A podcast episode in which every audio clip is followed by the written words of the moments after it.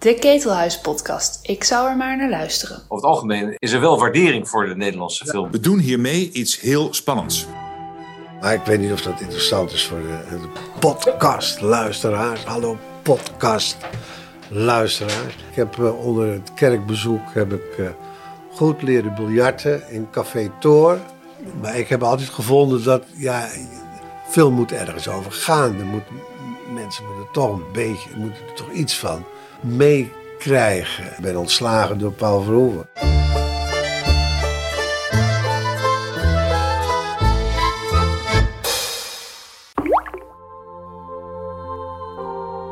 Welkom bij de 36e editie van de Ketelhuis podcast. Matthijs van Heiningen is vanaf de jaren 70 van de vorige eeuw zo'n 45 jaar lang een gezichtsbepalende factor geweest in de Nederlandse speelfilmindustrie. Als producent van films als Zwaarmoedige verhalen voorbij de centrale verwarming, Het debuut, Een vrouw als Eva, Een vlucht regenwulpen, De stilte rond Christine M., Van de koele meren des doods, De lift, Siske de Rat, Op hoop van zegen, Kees de Jonge, De bende van Os, Het leven is verrukkelijk en ga maar door. Michiel Berkel zocht Van Heiningen op in zijn Amsterdamse grachtenpand. Luister naar de eerste helft van hun tweedelige vraaggesprek. Maar misschien, eh, Matthijs, kun je beginnen met te beschrijven waar wij hier überhaupt zijn en zitten. Je zit nu in mijn eh, kantoor op de Herengracht nummer 2, Hoek Brouwersgracht, waar we sinds een jaar wonen. Na verkoop van ons eh, pand op, de, op het Singel. Singel 132, het zogenaamde PC Hoofdhuis. Waar PC Hoofd ooit geboren is. En waar ook eh, Alfred Heineken, dus de grootvader van Freddy Heineken, geboren is. Ja. Een roemrucht pand. En dat nou ja, werd na het, eh, het, eh, het stoppen van de filmwerkzaamheden werd dat wat te groot. En zijn naar een kleiner pandje verhuisd. Ja. Kleiner als in vier verdiepingen, geloof ik, hè? Ja, vijf verdiepingen. Ja, het is maar met, zonder lift, veel trappen lopen. Dus dat houdt, eh, houdt een mens jong. Dat was ook een van de redenen om te verhuizen. Ja, precies, dat er geen lift meer in zat. Eh, Dat was... Maar vervolgens ging, het, ging het museum weer open. Wij dus naar de slavernij-tentoonstelling van, in het Rijksmuseum. En vervolgens donder ik van de trap af. We zitten met een gekneusde rib. Maar goed, Jij zit nu met een gekneusde rib. ja, ik moet dus niet lachen en niet niezen. Oh, Eh, ik verstapte me en knak. Dan En? lag ik onderaan de trap. hoeveel treden? Ja, toch wel een stuk of wat. Ik, je hebt die trap, ze gaat zo de hoek om. eh, nou ja, anyway. Dus het had ook heel anders af Dat had kunnen heel, lopen. ja, Guur dacht die heeft een gebroken heup, maar dat was dus niet zo. Nee? Ik heb nog een beetje mijn val weten te breken. Ja, maar eh, het hoofd is... eh, nee, het hoofd. eh, Doet het ik nog? bescherm altijd het hoofd met de elleboog zo. Maar de- dat, dat geeft aan je ribben ruimte. Dus ja, daar. Maar goed, we, we kunnen nog praten, we kunnen nog, Ja. kunnen nog naar de film en zo. Dus dat, Produceren is lijden en iedereen die daar meedoet, die moet ook maar meelijden. ja, Dat vond ik nog wel een, een bouwde uitspraak. Dan denk ik, iemand die 45 jaar, oftewel zo ongeveer zijn hele werkzame leven eh, heeft geleid, is of een masochist of het is een, eh een grapjas of zoiets. Nee, zo'n zo'n productieperiode, dat is echt lijden, dat is echt afzien. Dat is, eh, en, en ja, het is geen wat televisie is natuurlijk, hè, van 9 tot 5 werken en dan, eh, nee, dit, gaat gewoon een paar maanden, gaat gewoon door en dat, eh, en het is allemaal veel te veel gereglementeerd, maar het buitenland nog veel erger. Behalve dat er meer geld is, dat is het punt. Hier moet je met beperkte middelen zien dat je. Ja, dat vind ik dus heel interessant, hè? dat je daar zegt van, als er geld is, wordt het een succes. Wordt, heb je meer kans dat het een succes wordt? Ja, meer, maar het is bijna eigenlijk een axioma van ja absoluut, absoluut. geld is gelijk succes. Ja. En, eh, omdat het gewoon beter wordt. Je hebt meer tijd om die film te maken. Je hebt meer tijd om erover na te denken. Je hebt meer tijd om de film uit te brengen. Overal heb je meer tijd voor. Tijd is wat dat betreft alleen maar geld. En daar wordt een film gewoon beter van. Helaas is er niets anders, zit er niets anders op. En eh, eh, een goedkope artfilm, ja, dat is, dat is dan moet de inhoud zodanig sterk zijn. Dat wilde dan nog wel eens lukken. De- we hebben ooit Andy Bloed en Blond Haar gemaakt hè, voor 150.000 eh, gulden. Nou, dat wordt een mooie, een mooie film. Daar ben ik nog steeds eh, trots op.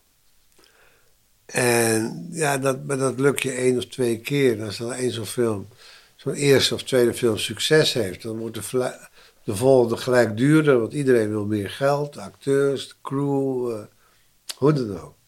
Dus je moet eigenlijk steeds weer je eerste film maken. Ik ga met jou helemaal terug Oh jezus. in de tijd Ja. Naar eh, de vijftiger jaren. Ja. Naar Alphen aan de Rijn. Ja. Naar een streng gereformeerd gezin. Ja. eh, waar geen bioscoopbezoek Ja, klopt. eh, In zekere zin, maar dat, Beschrijf dat gezin eens voor mij. ja, dat is gewoon een, een, een doorsnee provinciaals eh, dorps eh, gezin. Dat, dat eh, wat christelijk, eh, hè, twee keer naar de kerk op zondag, eh, niet zwemmen, niet fietsen, niet, eh, maar wel met mijn vader bijvoorbeeld op woensdagmiddag naar Leiden, naar Danny Kay. Dat dan weer wel wat verder nergens mee te maken heeft. Want als je echt gereformeerd bent, ga je niet naar de film. Nee, maar dat is dan, dat is dan artikel 36. Dit is de wat mildere vorm. Het is, net, het is niet hervormd. Hè? Je hebt hervormd in de protestantse. Hè?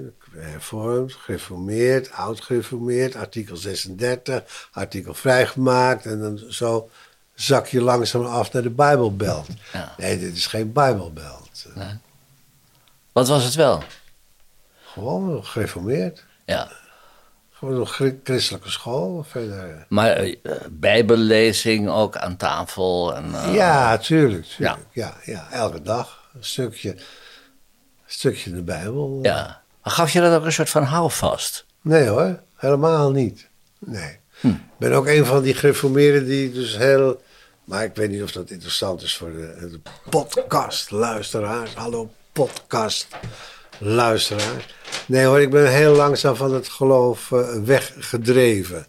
Dus niet zoals eh, eh, Den Uil en Rijk de Gooier en Jan Hein Donner en dat soort mensen die daar met vreselijke gewetensconflicten en nee, daar heb ik geen last van gehad. Het is zo langzamerhand. eh. Maar kwam dat ook omdat je ouders misschien wat vrijzinniger waren? Nee, die waren niet zozeer vrijzinnig, maar ja, ik had daar weinig eh, gevoel mee. Ik heb eh, onder het kerkbezoek heb ik goed leren biljarten in Café Toor.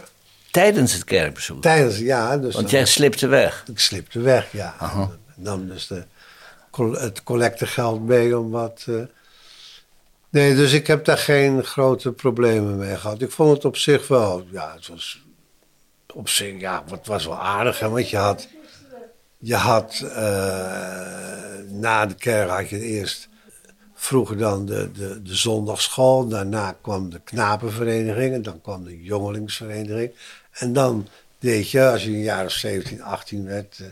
beleidenis des geloofs. En tussendoor ging je naar de catechismus. Maar het aardige van die hele boel was eh, wel dat je dus op die knapenvereniging en jongelingsvereniging, daar leerde je van alles. Bijvoorbeeld debatteren, eh, notuleren, voorzitten. Je werd dus wel een beetje in de, in de tegenwoordig CDA, of toen eh, bij ons was het de AR, werd je klaargestoomd voor, een, hè, voor iets dat je toch wel bepaalde capaciteiten meekreeg die je niet. eh, Ja. Maar goed, dat. eh, Maar eh, geen enkel trauma, een Nee, vader nee, die nee, nee, die boven wel- aan de trap staat te zwaaien met een bijbel. En... Nee hoor, maar er werd wel, bijvoorbeeld ook op die christelijke school, er werd wel geslagen en dergelijke. Maar niet dat, dat mensen daar nou, of kinderen daar nou wakker van lagen. Maar nee, dus ik ben daar heel zachtjes van weggekabbeld. Dus, Weggedreven.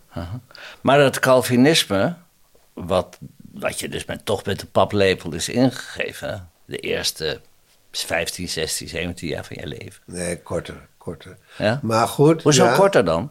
Nou ja, ik ben op mijn 16 eh ben ik het huis uitgegaan. Toen had je al een, ehm, een diploma. Nee hoor, nee, Oh. nee, nee. Geen diploma's? Nee, geen diploma. Oh, Nee. de hogere burgerschool. Nee, eh, nee, nee, nee, niet afgemaakt allemaal. Oh. Nee, ik ben toen eh, naar Amsterdam gegaan om. eh, want ja, dan moet ik weer even terug. Kijk, in dat dorp had je twee e- evenementen. Buiten de paardenmarkt hè, had je dus het circus. Het circus in de zomer. Circus Rens of Circus Baltini of wat dan ook. En je had de, de Matthäus Passion. Dat waren de twee highlights van, eh, van het bestaan daar. Eh, buiten een paar filmpjes die in het Nutsgebouw gedraaid werden. Rock Around the Clock bijvoorbeeld. En eh, hoe heette die van Le Blues Noir? De, de- die werden dan op zaterdag, vrijdagavond, zaterdagmiddag, zondagmiddag gedraaid in het Nutsgebouw. Waar ik dan naartoe moest sneaken. Maar had je dus, dat waren de twee grote eh, evenementen. En eh, beide, ja, ik geloof die, die Matthäus Passion al tien keer eh, heb meegemaakt. En het circus, waar dat, en dat circus trok me mateloos. en, en, wat was er met die Matthäus dan? Dat je daar Dat zo vaak toch naartoe ging? toch, is toch ook circus Dat eigenlijk. is een, is een, oh ja. Dat is toch eigenlijk, ik vind het wel een aardig... Hè? Je zet ze ons in trainen neer. ja, is, en eh, dat is toch wel eh, emotioneel allemaal. jongen van de jaren 15 die daar nee, geroerd. Nee, nee, 8, 9, 10, 11. Nee, veel jonger. Oh, veel jonger. Nee, 15 was het al, eh, al over. Toen was ik al. Toen, Maar in hoeverre heeft dit je gevormd? Of is dit... nou ja, ja, een soort een stuk fantasie bijgebracht. Ja, dat heeft me wel op een bepaalde wijze gevormd, ja. Kun je er iets specifieker over zijn? Nee, nee, nee, niet echt. Wij, nee, ik bedoel, het, het, het gevoel, het circus en, en, en, en de Matthäus was toch ook eh, vermaak? Ja. Ja, Bach was toch ook gewoon kapelmeister. eh, eh, die moest toch ook elke week een nieuwe kantaat eh, moest hij, bakken.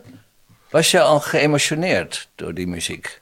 Ja, zeker. Ja, ja, ja. Want ik, eh, ik eh, speelde ook nog viool. Omdat ik, dat moet ik even tussen. Ik ben op mijn tiende of zo met een paar vriendjes een kindercircus begonnen.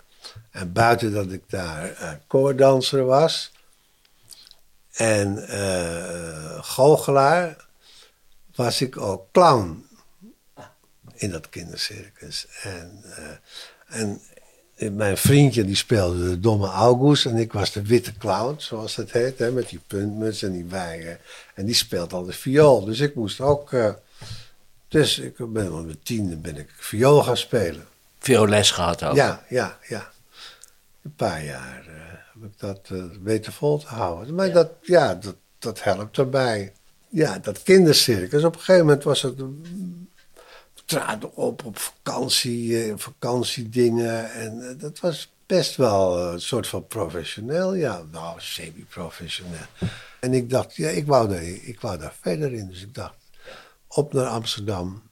Ik ben naar Amsterdam gegaan, naar, naar de, de, de, mimeschool van Jan Bronk, waar ik Peter Faber en Rutger Hauer tegenkwam, die daar ook zaten.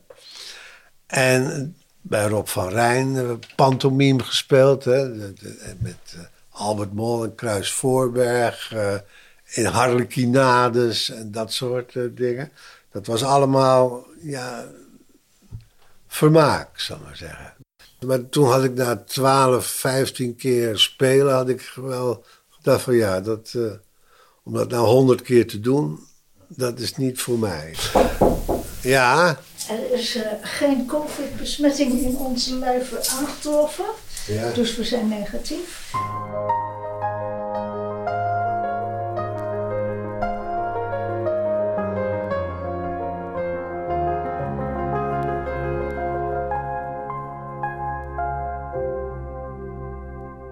Kijk, een gereformeerde heeft altijd gelijk. Een gereformeerde heeft het ware geloof. Hè? Dat zie je terug bij Den Uyl. Dus schoolvoorbeeld was dat. Als mensen nog weten wie dat is.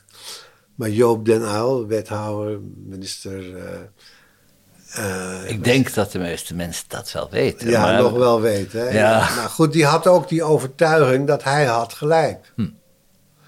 En dat hadden meer mensen die daar eh, van die, die afkomst, die vonden dat ze ongezien gelijk hadden. En jij dus ook. Ik ook, ja. Ja, dat, ik bedoel, dat heb ik altijd wel gehouden. En dat heeft me wel geholpen in die zin dat. Kijk, ik heb altijd projecten gemaakt, films gemaakt, waar mensen niet op zaten te wachten. Die wilden ze in principe niet. Nee, ik weet niet of je dat voor kan Ja. stellen.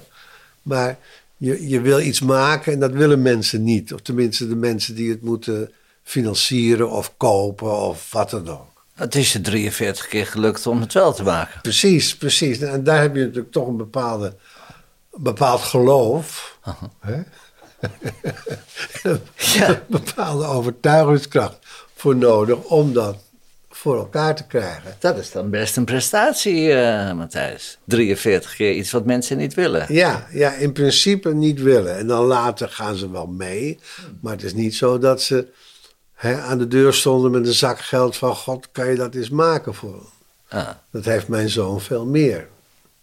jouw zoon Matthijs Verheiningen junior, Junior, precies. die nu eh, volle zalen trekt. Met, met, eh, ja, met het slag om de Schelde.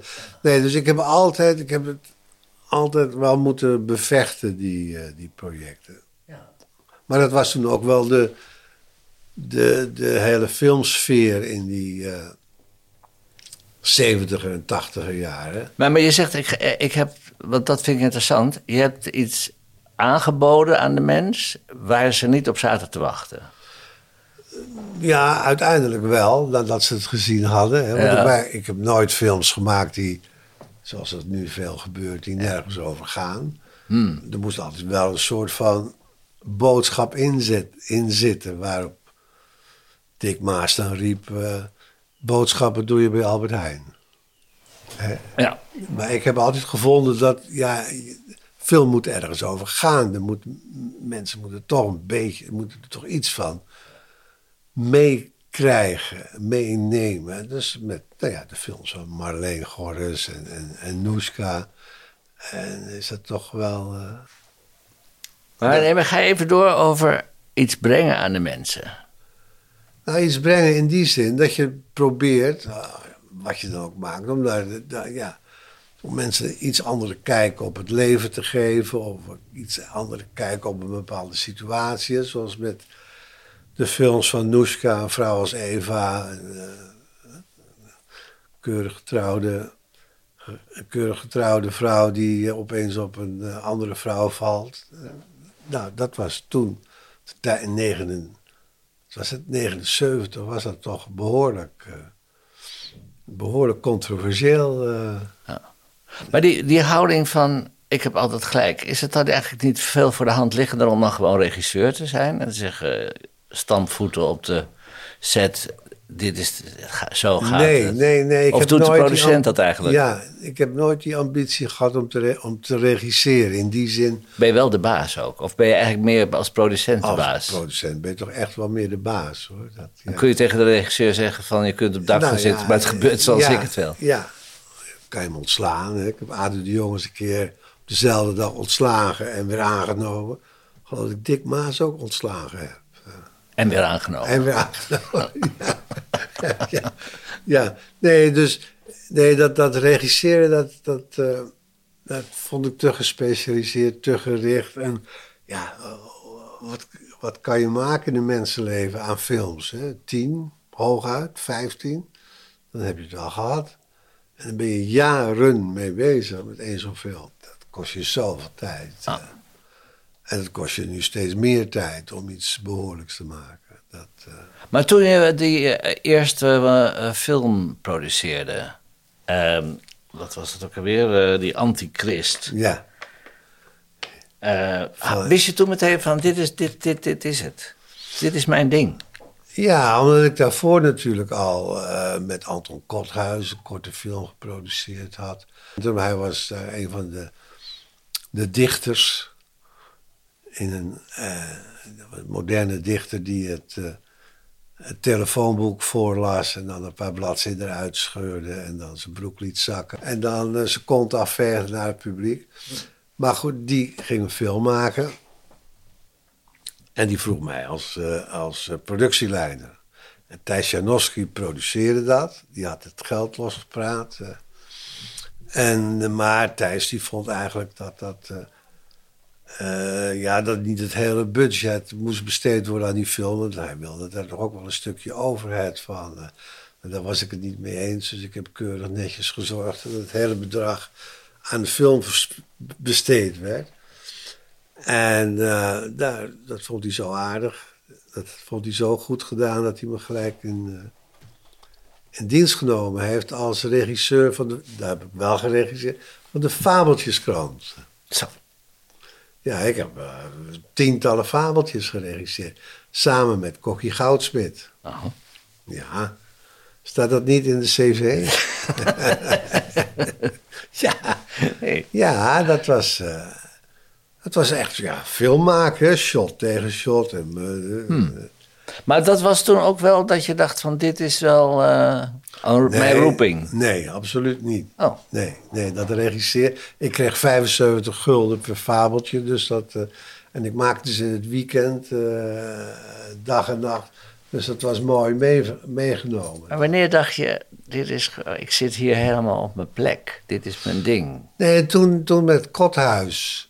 eh, toen we die, die She's Like a Rainbow, hè, met muziek van de Stones, waar Thijs vergeten was de muziekrechten te regelen. dat was wat. Oké. Hè, dat zijn de bekende kleine foutjes die gemaakt worden. Als producent, en niet als. want ja, als productieleider is dat niet jouw pakje aan. Ehm, heb ik nog een film met hem gedaan. En toen werd. Toen even in de chronologische. eh, Toen werd. ehm, en nou begint het interessant te worden. Toen werd Anton gevraagd, Anton Kothuis, dat was echt een pothert, een enorme. Die werd gevraagd bij Jan Vrijman om een stuk te regisseren van de Expo-film. En die Expo-film, die had Jan losgepraat op twee A4'tjes bij. En die had het, het grootste budget op dat moment toen in de Nederlandse film, meer dan een miljoen gulden. Die zou Frans Wijs gaan regisseren. Zo. En, maar dat was allemaal te kort dag. En daar moest de regisseur bij. En zeker voor de alternatieve eh, sequences werd Anton gevraagd. En Anton, toen was ook nog een kwestie van... ja, dan moet er ook nog een uitvoerend producent bij. Wie zou het dan nou... Toen kwam Anton, heeft mij toen geïntroduceerd bij Jan Vrijman. En dat ik dat maar kon doen. En je kreeg ook wel een beetje betaald daarvoor toen. Ja, dat zal ik je nou vertellen. Dat was aardig. Dus ik kom bij Jan Vrijman op audiëntie en Jan lag daar. Ik kom daar op de Vondelstraat en ik stap zo de vijftiger jaren in. Je dat ding van Appel aan de muur met dat gat erin waar die, eh, die film mee gemaakt had. En Jan lag daar op een bank, een beetje zweterig, zoals onder zijn oksel. En dan rook hij aan zijn... en eh, die zei, ik zei, nou ja, ik wil dat wel doen. Ik kan dat ook wel. Maar eh, ja, ik wou toch wel graag eh, eh, 400 gulden in de week. 69 was dat, hè? Veel geld. Ja, dat kon niet, zei Jan. Dat was on, dat, geen kwestie van. Ik zei, nou oké. Heb ik bedacht, 250 in de week en 10% van wat ik de film onder budget hou. Top, zei Jan. Top. Nou, dat heeft Frans Wijs geweten, natuurlijk. Want die heb ik toen een beetje af moeten knijpen om die bol binnen. Was Frans kwam uit de, hè, Ja. de nieuwe school uit Rome, dus die was, eh, was dat niet gewend. eh. Nee. Want Jan was bijna aan de eerste film van Frans Wijs failliet gegaan. Eh, hoe heette die? Met, met, eh, met Kitty Coubois. Oh, het gangstermeisje. Gangstermeisje. Juist. Gangstermeisje. Juist. Gangstermeisje. Nou, Daar was Jan bijna failliet aan gegaan, omdat uh, Gijs Versluis, de productieleider daarvan, die had dus iedereen betaald, maar had geen sociale lasten ingehouden. Dus de belasting kwam voor een paar ton aan de deur. En Jan heeft toen al zijn spullen laten veilen, weer opgekocht door uh, allemaal kennissen van de kring. Maar toen bekend werd dat Jan die miljoenen subsidie gekregen had om die expo-film te maken, stond de belasting weer voor de deur. Dus ik heb er veel pijn en moeite en uh, ingrepen daarvoor moeten zorgen dat dat niet. Uh, dat dat niet geïnd kon worden. Maar je noemt het woord afknijpen, maar daar sta je eigenlijk ook wel bekend om. Hè? Dat nee is... hoor, dat, ja, dat zal wel. Zal wel, ja. Maar kijk, iets heeft altijd zijn prijs. Iets, dat is ook een sterk ontwikkeld gevoel. Iets moet zoveel kosten en niet meer. En als het, kan wel veel meer kosten, maar dan moet het ook het waard zijn. Hè? Dat, is, dat, is, dat is een tweerichtingsverkeer.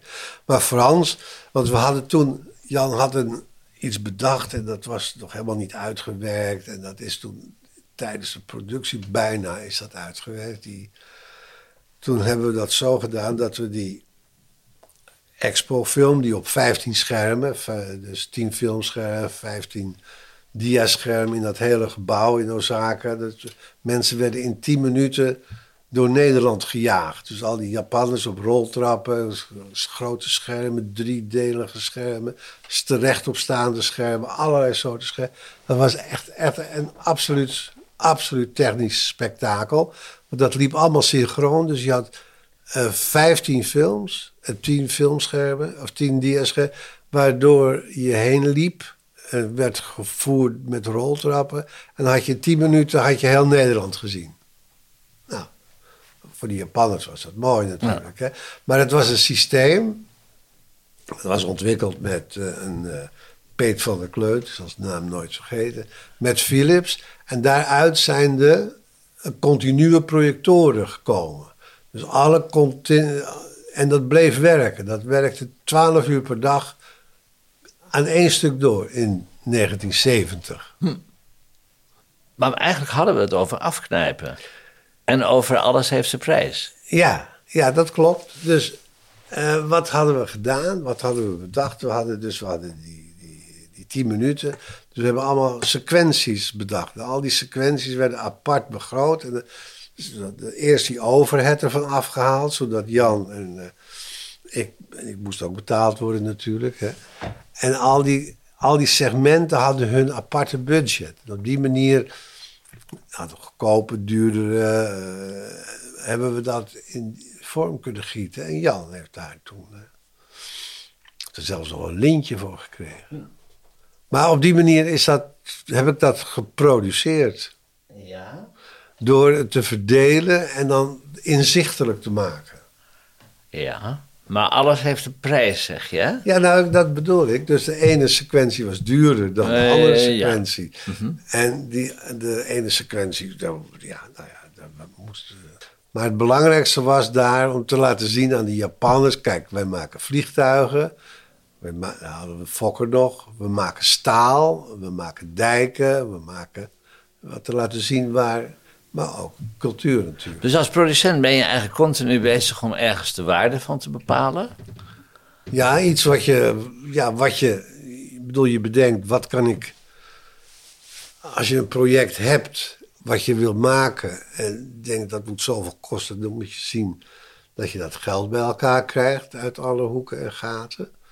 En dan moet het wel voor het bedrag gemaakt worden. Je kan wel wat over je budget gaan. Maar in, ja, in die tijd had je te maken met een bioscoopfilm, had je te maken met twee of drie financiers. Je had het eh, productiefonds, je had de distributeur en je had nou, misschien een privéfinancier. Je had geen televisie, je had geen last van televisie, je had verder niks. En daar maakte je je film voor. Maar je gokte op de, het bezoek, op het, je gokte op het op hoeveel mensen er kwamen kijken. Niet over van hoe kan ik uh, mijn, mijn budget dichtleggen met allerlei subsidies en of er nou mensen komen of niet, dat maakt niet uit. Noem eens eigenlijk een film die, die een Nederlandse film wil ik graag van je weten. En, een, en een, misschien een top 10 of een top 5 of een top 3. Dat je echt zegt van... Nou, wat ik een mooie film vond. Wat ik een mooie Nederlandse film vond. Bijvoorbeeld, ja. ja. Nee, ik vond een, de, een van de beste films vond ik eh, een film van Fons. De, de Indië-film. De, hoe heet het? Max Eh, Havelaar. Max Havelaar. Nou, vond ik een uiterst geslaagde film. En zijn eh Damocles, eh, Donkere Kamer van Damocles. Mm. Het, Die kon het. nou, niet zozeer dat hij het kon. Het was allemaal vrij conventioneel wat hij deed. Mhm. Maar het waren goede, waren goede films. Het waren goed gemaakte films. Die, Het is toch al lang geleden, hè? Sinds die tijd is er natuurlijk een heleboel gemaakt. nou ja, En eigenlijk niks waarvan je zegt... waarvan ik zeg dat ik eh, dat... Nou, de andere- Oost hebben we nu, hè? Ja. Ja. Ja, is ook te goedkoop gemaakt. Wel 6 miljoen. Het is, het is veel geld, maar het. het eh, Kijk, maar dat had, het had beter geworden als er meer geld geweest. Had ze langer kunnen draaien. Dat is het allereerste, hè, als je meer geld hebt. Je kan er langer over doen. Beetje tijd om na te denken. En je had het misschien iets genuanceerder, iets meer. Ja, dat is het grote probleem. Ja, Turkse fruit vond je ook niks, hè? Een larmoyant, schreef je. Ja, ja, ja. Ja, ik was productieleider op die film. Ik ben ontslagen door Paul Verhoeven. Neemt hij dat weer op? Of, eh? Dat neemt u op. Oh. Maar is dat geen historisch feit gewoon, dat, dat, dat jij ontslagen bent daar?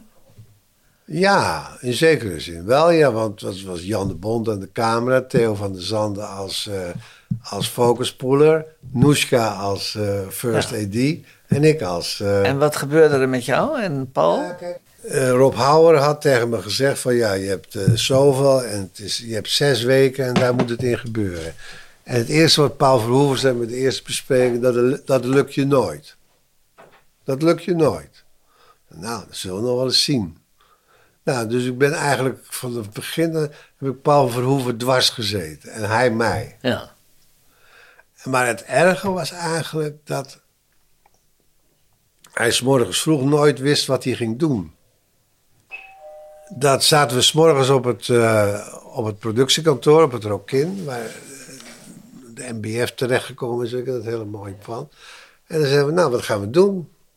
Dat gaan we vandaag doen. En er stond een hele crew. Er stond een hele crew klaar. En dan zei, eh, dook Paul Verhoeven achter zijn Volkskrant. En dan zei Jan de Bond, nou, dat en dat en dat en dat. Ik, Oké, nou, dan gingen we aan de, aan de slag. En ze hebben steeds... Maar hij liep dus elke dag liep hij een uur uit of zo. Dus aan het eind van de week was hij een dag achter. Ja. Dus dat, dat, eh, en Rob Houwer die zat steeds in München en die kwam op dinsdag en die vertrok op donderdag weer. Want die had andere dingen. En hoe lang heb je dit eh, vol mogen Oh, houden? een week of vier geloof ik. Maar je bent dus niet door Rob ontslagen, maar je bent door Paul ontslagen. Ja, Paul riep hij eruit of ik eruit.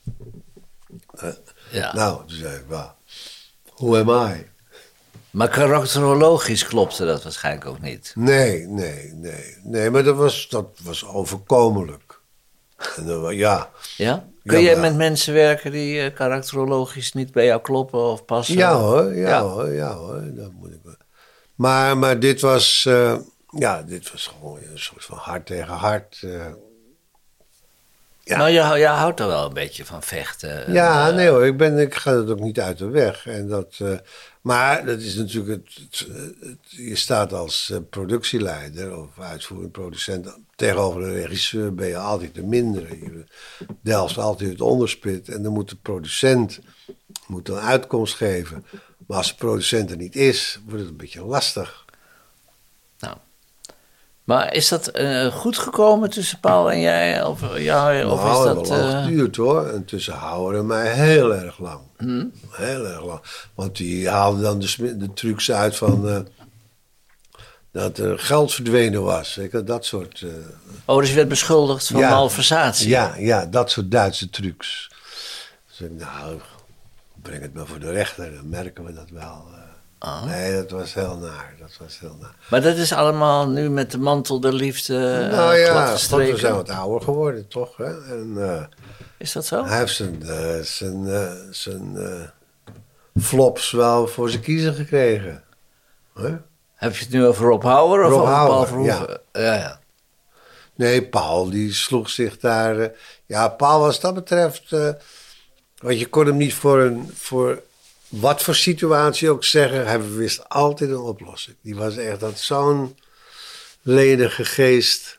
Die vond altijd wel een uitweg. Maar jij, bewonderde, jij bewondert hem niet, of wel? Nee, niet echt, maar ik vind het wel knap wat hij doet.